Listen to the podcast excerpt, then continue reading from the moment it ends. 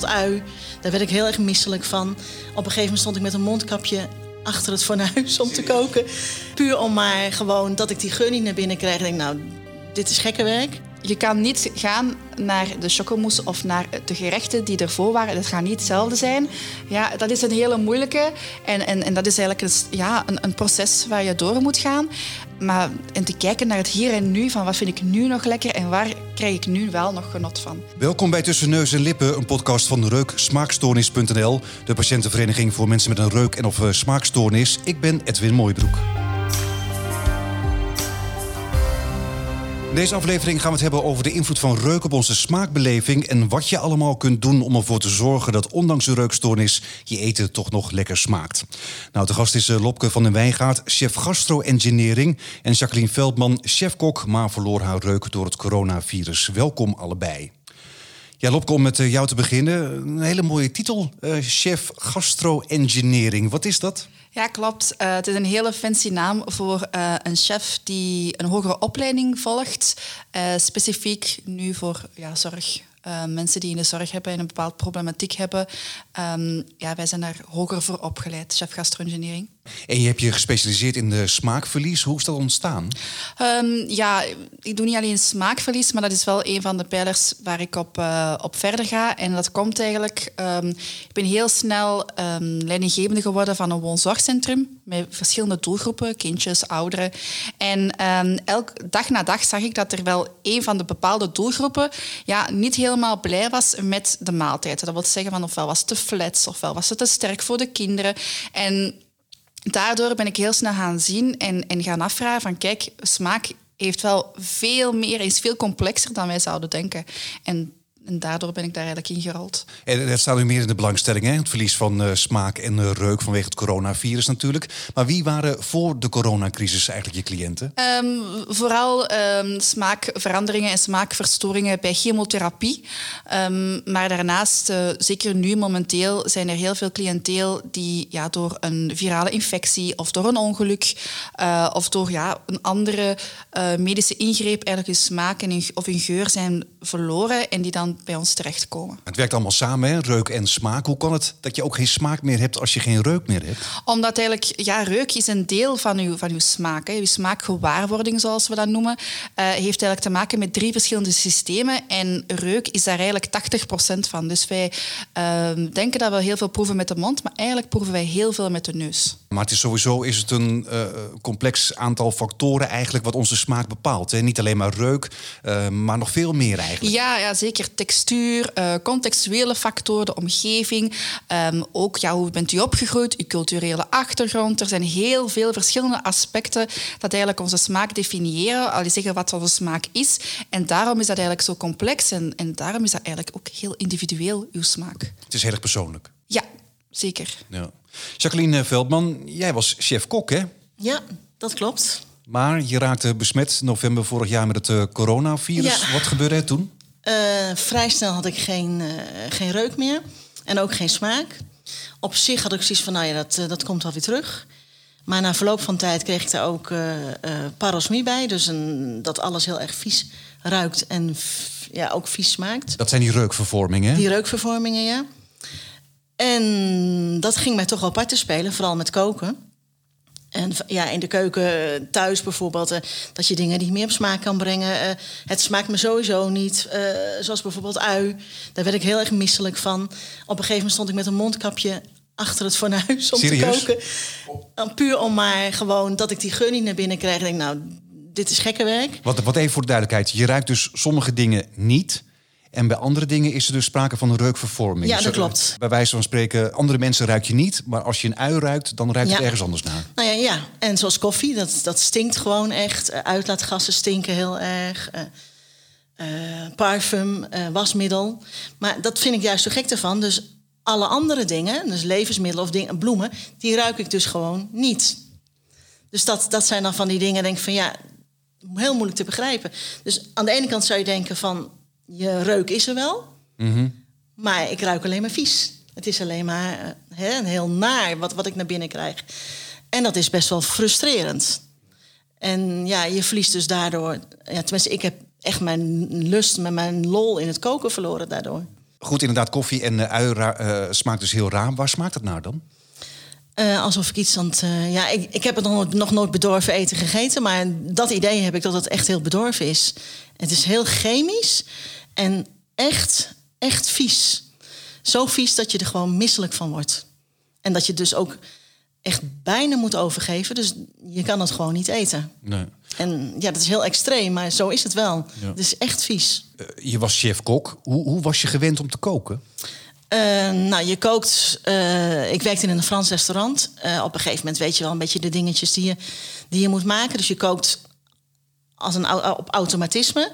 Maar omdat wij een biologische keuken hadden en ook een eigen tuin, kookte zeg maar, met de seizoenen en wat er op dat moment voor, voorhanden was. Dus het was een beetje improviseren allemaal eigenlijk. Dus je gaat improviseren en je gaat dus, dus iedere dag ga je dingen op smaak brengen.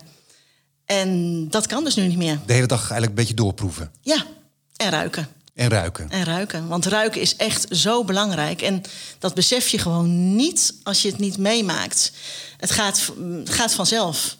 En nu merk je dat het, dat het er dus niet meer is. En dus je gevoel ook met het eten, dus het gevoel met koken, is wat mij betreft gewoon weg. Omdat je niet meer op gevoel kunt koken. Niet meer zo van we doen er hier een klein beetje bij, dus maakt het net even iets lekkerder. Ja, tuurlijk, ik kan op recept koken, dat is het probleem niet. Maar dan... Op de klok kijken en dit moet erin. Ja, ja. en ik moet ook zeggen, je, ik ben een heel stuk onzekerder geworden. Over van, smaakt het wel? Iedere keer vraag, is het wel lekker?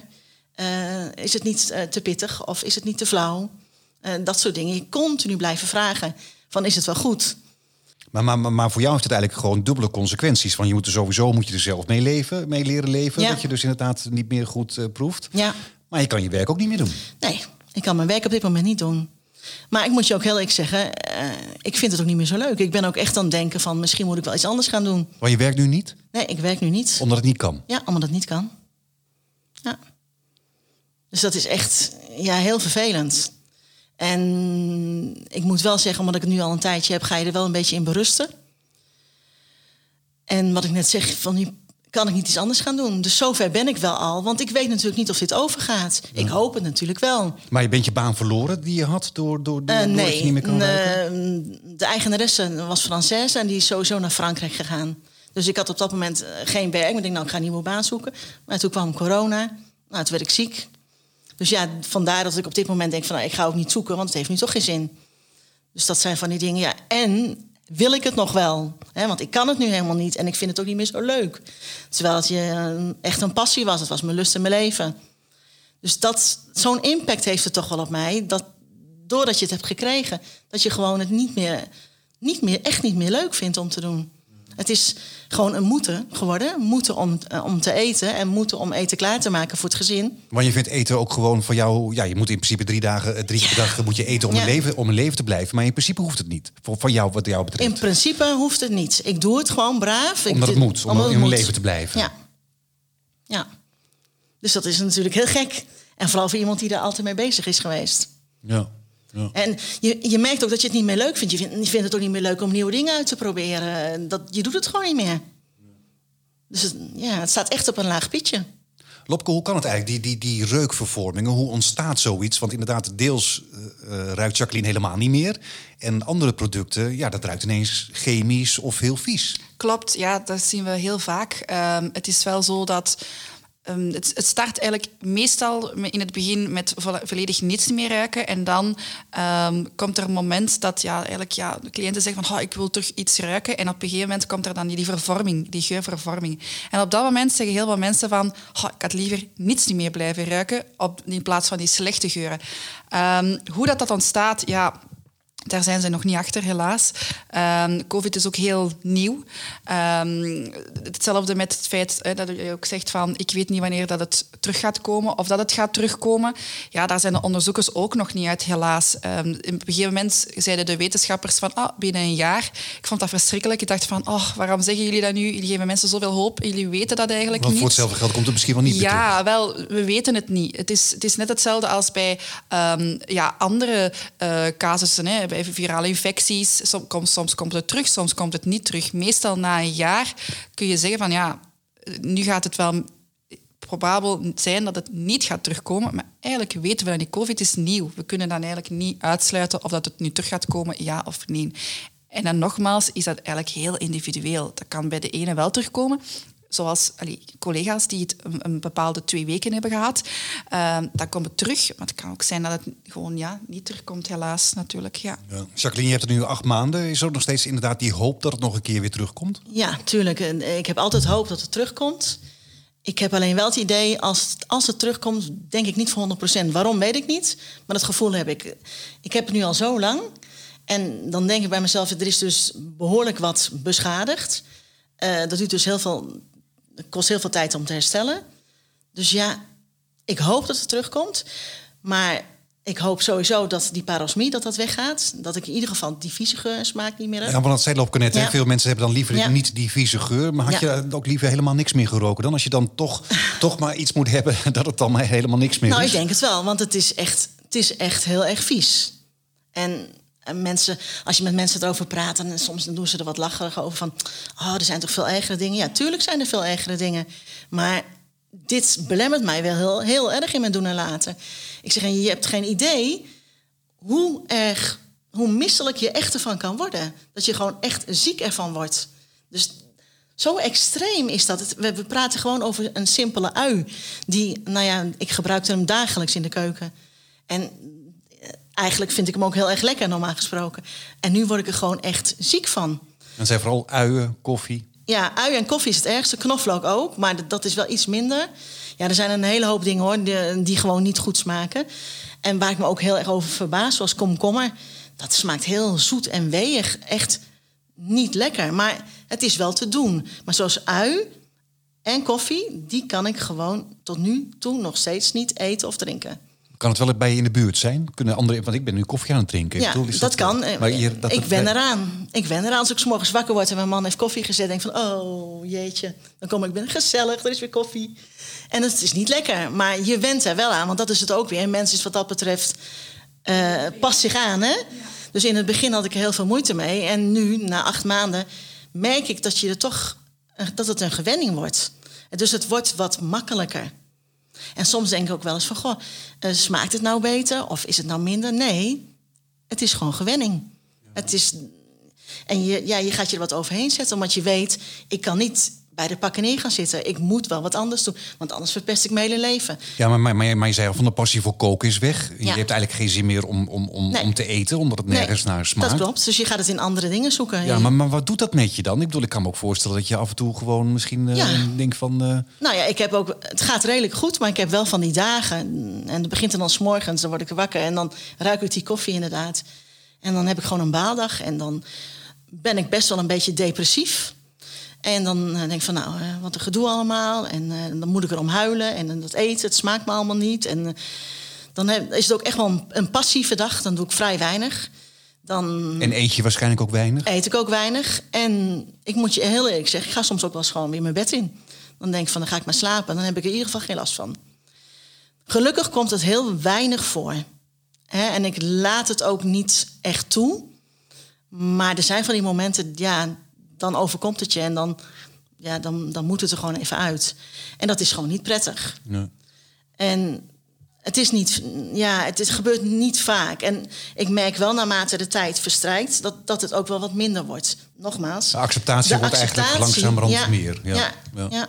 Herken je dat, Lopke? Ja, zeker. Allee, ik, ik, eh, ik, ik, heb heel veel gevoel bij je verhaal, omdat ik zelf ook ga kook, heel graag kook. En, um, maar ik herken dat ook wel. Hè. Um, het is eigenlijk een, je kunt het eigenlijk een beetje gaan vergelijken van als iemand opeens um, blind wordt. Uh, eigenlijk is het, is het zo, zoveel impact heeft het eigenlijk. Je, je, geur of je smaak kwijt zijn of een vervorming daarvan hebben. Je gaat eigenlijk rouwen voor de persoon die ervoor was en de gewoontes die je had. En inderdaad, wij zijn zo'n zware gewo gewoontebeestjes, zullen we zeggen, uh, dat we er wel um, met bepaalde tijd ja, er gewoon aan gaan worden. Maar natuurlijk, ja, sommige dagen zijn we, zijn we wat minder sterk, zullen we zeggen. En dan komt dat natuurlijk nog eens zo hard binnen. Um, en ik hoor dat ook heel vaak. En, ook het feit van dat er um, ja, familieleden of, of, vrienden er eigenlijk heel weinig gevoel voor hebben, zullen we zeggen. Daar grapjes over maken. Ja, de impact is zo enorm. Wij eten drie keer per dag. buiten dat, ja, alle geuren die we tegenkomen enzovoort, ja, dat, is, dat maakt maakt ja, ons leven ons leven eigenlijk. Hè. Het genot en het, genieten daarvan. En als dat weg is, ja, dat is een heel groot mis. Ja, je moet dan gaan zoeken naar andere zaken natuurlijk. Hè. Maar als je dan geen begrip krijgt, is dat nog eens eens zo moeilijk en zo hard. Krijg je wel begrip, Jacqueline? Vaak wel, maar uh, om een voorbeeld te noemen, vorige week hadden we een etentje bij vrienden. Die weten het. En dan zetten ze iets op tafel waar dus ui in zit. Dat wisten ze ook? Dat wisten ze. Oh, dat ben ik vergeten. Wordt er dan op een gegeven moment gezegd. En dan ben ik zo braaf om het toch maar op te eten, want ik vind het dan onbeleefd. Ik eet wel eens een heel klein beetje. Maar dat vind ik wel jammer. Dan denk ik van, ik heb het met je over gehad. Eh, ik bespreek het. Ik wil het ook niet te vaak bespreken, want dan voel ik me weer zo. Oh, dan komt ze weer aan met haar. Uh... En toch vergeten ze het dan. En aan de ene kant kan ik het ze ook niet kwalijk nemen, want zij maken het natuurlijk niet mee. Zij hebben het niet. Mhm. Maar ik vind het ook wel heel jammer. Ik denk van, oh, dan is het toch voor mij heel, heel naar om gezellig aan die tafel maar mee te eten. Maar je eet het wel tegen ik heb het, Ik heb het wel gegeten, ja. Ja. ja. Want ja, aan de andere kant natuurlijk ook Lopke, ondervoeding ligt natuurlijk ook op de loer. Hè? Omdat je natuurlijk, ja, het is niet lekker meer. Dus ja, waarom, waarom zou je eten? Dat is bij heel veel, uh, heel veel mensen zo, heel veel cliënten die aangeven van ja, ik ben heel veel afgevallen. Je hebt eigenlijk twee, twee soorten mensen. Hè. Um, ik denk inderdaad het feit van ik moet eten, ik ga braaf eten en ik ga drie keer per dag mooi braaf eten, want ja, ik eten is al ja, goed eten nodig om te overleven, zullen we zeggen. Um, dus het eigenlijk meer gaan zien als vullen. En dan heb je andere mensen die echt zitten hebben van ja, nee, dit gaat echt niet. Uh, ik kan mij daar echt niet over zetten. En ja, die dan enorm veel vermageren op hele korte korte tijd. Ja. Ja, Lopke, je richt je nu ook steeds meer op uh, mensen die door een coronabesmetting inderdaad uh, niet meer kunnen ruiken en last hebben van uh, die reukvervorming. Je hebt in België het eerste smaakcentrum opgericht. Ja, klopt. En je bent ook in Nederland bezig, hè? Ja, um, ik ben het eerste smaakcentrum in België en um, ik ben ook het referentie smaakcentrum, zullen we zeggen, voor de andere smaakcentra die eraan komen. Uh, momenteel is er al eentje in Schiedam. Uh, dat is mijn collega Erik van Renen die dat doet. En die focust zich vooral op uh, smaakstoring bij chemotherapie, omdat hij dankzij het Nationaal Kankerfonds ja, budget heeft gekregen voor 300 patiënten gratis te laten testen. Maar de andere smaakcentra gaan zich ook richten op coronapatiënten? Ja, inderdaad. Die gaan zich vooral op het brede plaatje ook richten. Dat is inderdaad de bedoeling. Ja. Wel, als je nou het verhaal van Jacqueline zo hoort, hè, hoe zou je haar dan kunnen helpen in zo'n smaakcentrum? Wel, um, wat, ik altijd een hele belangrijke vind, is... Um, ik ga nooit... Um, heel veel mensen vragen, kan je mij tips en tricks geven. Ik, ik geef dat eigenlijk niet graag, of bijna nooit, omdat het zo individueel is. mijn levenspad is niet jouw levenspad, of uw, een andere zijn levenspad. En er zijn zoveel factoren die daarbij komen kijken, waardoor uw smaak uw smaak is. Hoe het eruit ziet. Ja, dat zijn wel zaken die je naar kunt kijken. En ik denk dat je dat ook wel al doet. Is kijken van, ziet het er lekker uit? Visueel, de textuur. Um, een gezellig muziekje opzetten. Zien dat de tafel mooi gedekt is. Dat zijn de zaken waar je al altijd wel iets aan kunt doen. Maar echt voor de smaak, als we gaan kijken van hoe kunnen we het terug lekker maken of terug aangenaam maken, dat is echt heel individueel. Maar jullie doen daar ook een uh, smaaktest, hè? Klopt. Ja, Je, je, hebt wat meegenomen. Wat, wat, ja. Een paar potjes inderdaad. Wat, wat is ja, dat? klopt. Ik heb niet de hele smaakbox uh, Nee, dat duurt een uur normaal, hè? Ja, voilà, inderdaad. Ik heb een paar uh, flesjes mee gewoon om, om te laten proeven. Ik ben heel blij dat ik knoflook en, uh, en niet mee heb meegenomen. dat scheelt weer.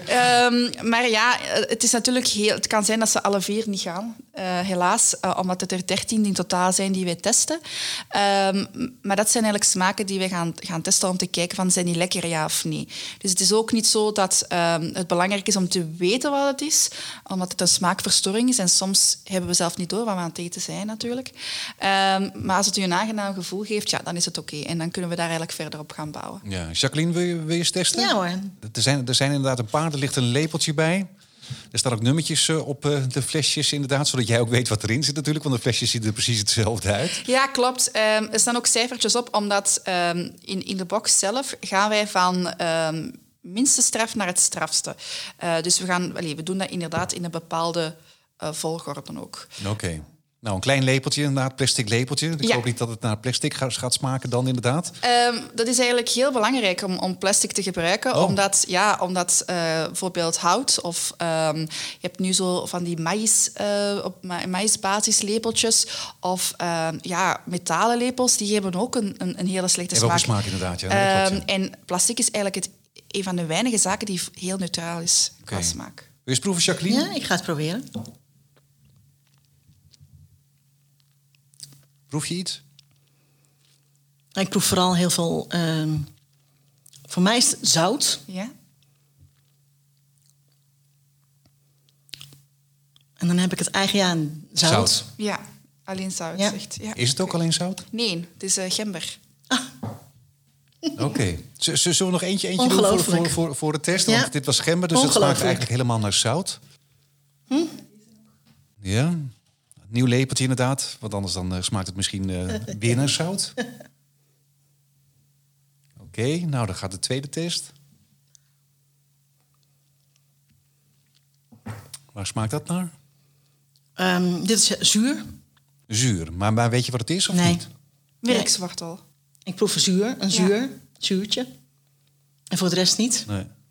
Maar goed, we hebben nu dan even de kleine test gedaan. Hè? Maar als je, als je dit dan weet, wat, wat, wat kan je daar dan mee? Ah, wel, ehm, het is veel te klein om natuurlijk iets mee te gaan. Maar ehm, bij, de, bij deze twee heeft ze niet gezegd van het is heel slecht. Het heeft wel aangegeven van kijk, voor mij komt dit zout binnen en komt dit zuur binnen. Het was geen Dus- reukvervorming dus bij dit? Of Ehm, dat er een chemisch nou ja, in wezen is het natuurlijk vervorming, denk ik, omdat je dus de echte smaak niet proeft. En dus, want ik zou er nooit geen gember uitgehaald hebben en ook geen mierikswortel. Ik heb het idee dat, je, dat ik op dit moment alleen maar de basis smaken. Mhm. Zo dat zout, zoet, in het zout. zuur. Ja. Zuur, bitter. En daar blijft het bij. En dat is niet per definitie vies. Alleen, ik proef niet wat het daadwerkelijk Wat is. het is nee. Maar wat kan je daar dan mee? Ah, Wel, als we de volledige test gaan doen, dan gaan daar de smaken uitkomen die het, het lekkerst zijn, het favorabelst zijn. En daar gaan we gaan kijken in welke concentratie zijn die, zijn die goed. Eh, concentratie kan heel veel verschil maken in het herkennen van een product in, of in het lekker vinden van een product. Dus we, we gaan dan naar kijken naar een bepaalde concentratie en dan gaan we daar eigenlijk de basissmaken aan toevoegen. Omdat inderdaad een receptuur is altijd met de basissmaken. Je hebt altijd basissmaken ook in je mond. En daar gaan we ook gaan kijken naar de concentratie. En van- dat gaat allemaal in de computer, wordt allemaal uitgerekend via een algoritme. Ja. En daar komen dan recepturen uit die wij dan maken op maat. Du- Dus, dus op basis van wat je dan lekker vindt, wat je dan, daar wordt dan een recept uitgemaakt. Klopt, inderdaad. Ja. Wat eet je nu zelf vaak eh, trouwens, Jacqueline? Eh, nou, ik heb sowieso nu een, eh, ben lijstjes voor mezelf aan het maken wat echt niet kan en wat wel kan. Uit de producten die wel kunnen, probeer ik dan nu gerechtjes samen te stellen.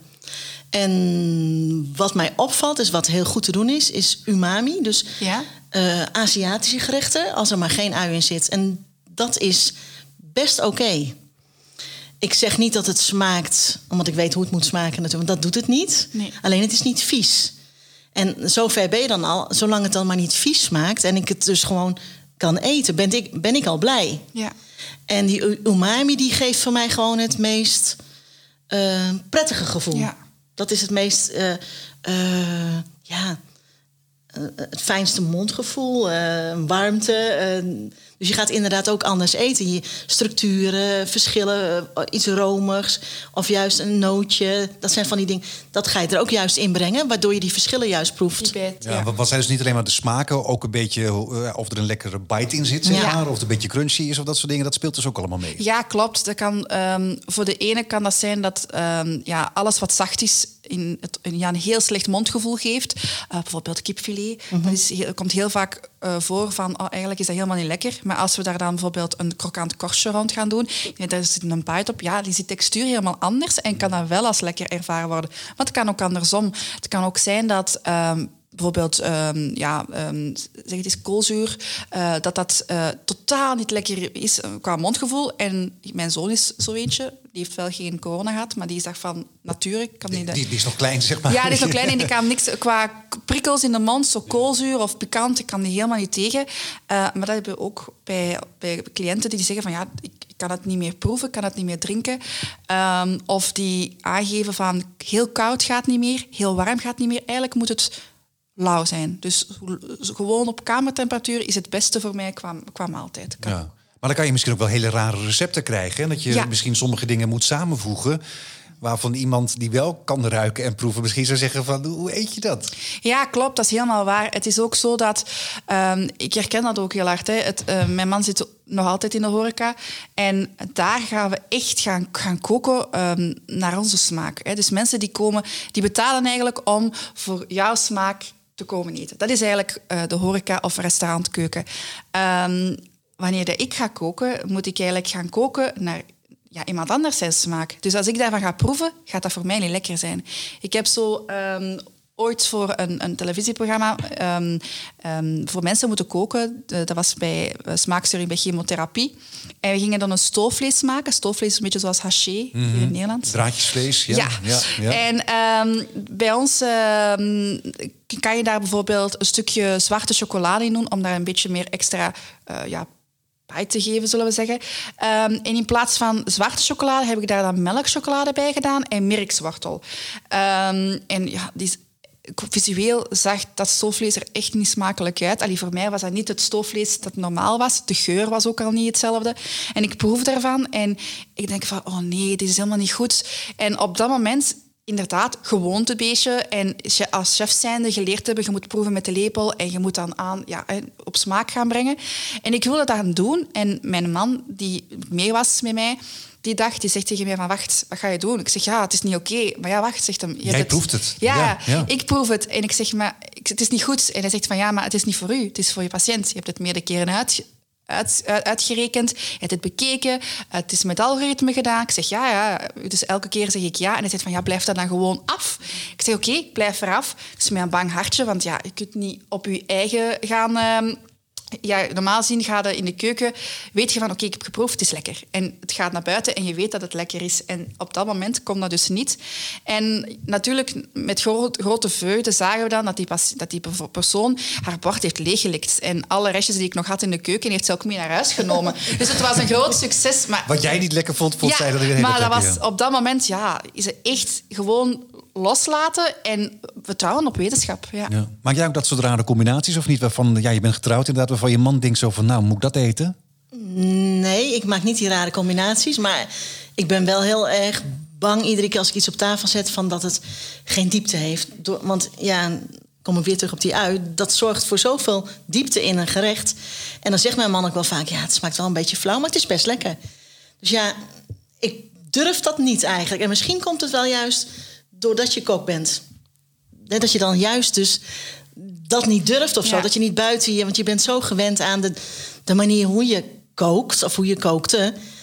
dat je dan denkt van... ja, ik ga toch niet chocola met ja, klopt. mirkswortel... Uh, of melkchocola chocola gebruiken. Voor hetzelfde geld vind je het heel erg lekker. Ja, dat snap ik. Maar omdat ik... Ik weet niet of ik het dan... Ik vertrouw mezelf niet meer qua proeven. En dat is het ook. Wat ik net al zei, je wordt zo onzeker... En je ik proef natuurlijk ook niet heel veel. Ik proef natuurlijk wel de basissmaken, hè, zoals we nu net met het zout, zoet.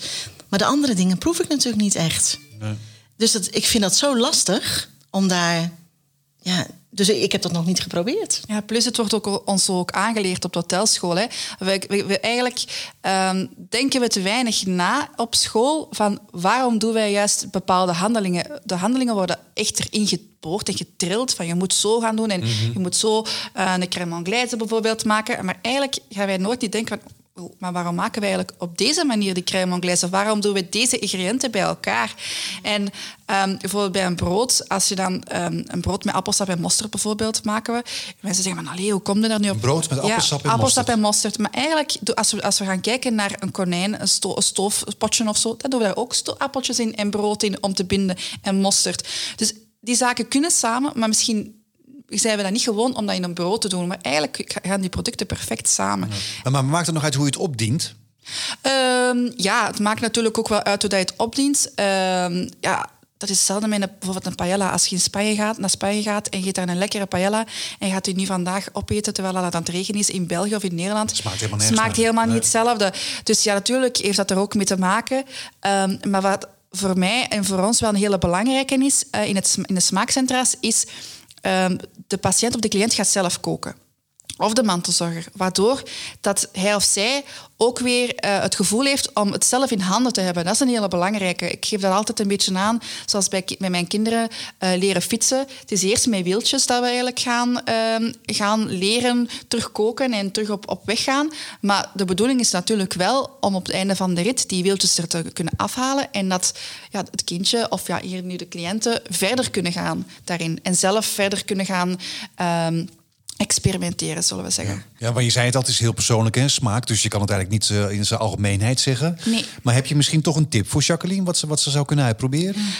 Um, ik denk zeker uh, uit de comfortzone stappen van te proberen. Maar ik snap dat dat een hele moeilijke is. Um, dus ik zou... Allee, dat is misschien een beetje voor mijn eigen winkel ook misschien, maar zeker een, een, een, een test zou heel, heel goed zijn, zodat je ook weet welke zaken dat er lekker zijn. En dan daaruit verder als chef zijnde kun je dan inderdaad nieuwe combinaties gaan maken en, en gaan uitproberen. Maar het is natuurlijk ja, een, een, een weg die je opgaat. En wat zeker een hele belangrijke is, is maar dat, dat, dat heb je ook al door, is je kan niet gaan naar de chocomousse of naar de gerechten die ervoor waren. Dat gaat niet hetzelfde zijn. Ja, dat is een hele moeilijke. En, en, en dat is eigenlijk een, ja, een, een proces waar je door moet gaan. Um, maar en te kijken naar het hier en nu, van wat vind ik nu nog lekker en waar krijg ik nu wel nog genot van. Um, dat is ja, de beste tip die ik kan geven. Ik kan kijken naar het nu. Wat vind je ervan, Jacqueline? Ja, dat is sowieso een goede tip. Maar wat ik net al zei, je bent zoveel vertrouwen verloren. Ja. En normaal zou ik zeggen, ja, dat ga ik doen. Ja. want je proeft, uh, is het lekker? Maar er moet nog iets van een, uh, die kruiden bij of die kruiden. Maar nu durf ik dat dus niet, omdat ik het niet kan proeven. Ja. En dus je bent zo een stuk onzekerder geworden. Kijk, en voor thuis natuurlijk uh, kan ik dat best gaan proberen. En wat je nu, nu ook net zegt, ik ga het inderdaad doen. Gewoon die gekke combinaties maken en kijken wat ik daarvan vind. Ja.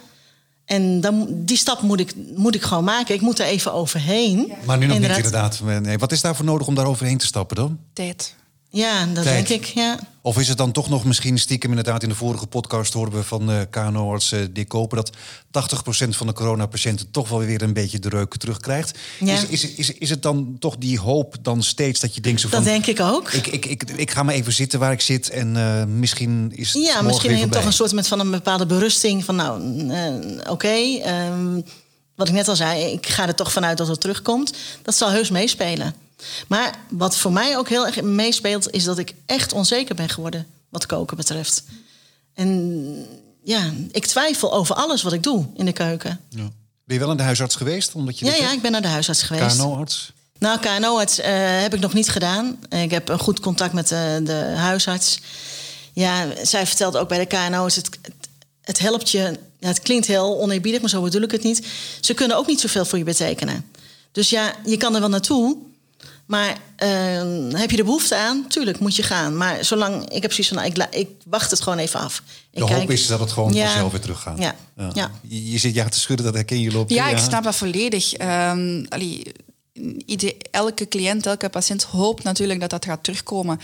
Um, dat dat een proces is en dat, dat de genezing er, er komt. Dat, ik snap dat volledig, dat dat dit is. Allee, iedereen wil graag er kunnen genieten van eten. Nou, Jacqueline, ik hoop dat dat bij jou of weer overgaat... of dat je dan toch de stap neemt om dat toch weer lekker te gaan eten, Nou ja, toch? zoals ik het nu dan hoor, denk ik van... er zit wel degelijk ook een andere weg en het is niet helemaal verloren. Als, stel je voor dat mijn smaak niet terugkomt... dan zijn er nog genoeg andere manieren om het wel weer leuk te gaan vinden. Maar ja, dan moet ik denk ik nog even aan wennen, aan die gedachte. Dank jullie wel, Lopke van der Wijngaard, chef gastro-engineering... en Jacqueline Veldman, chef-kok en Flora Reuk door het coronavirus. In de volgende aflevering van Tussen Neus en Lippen staat de patiënt centraal. Wat kan je doen en waar kan je terecht als je reuk- en smaakverlies hebt? Tot de volgende aflevering.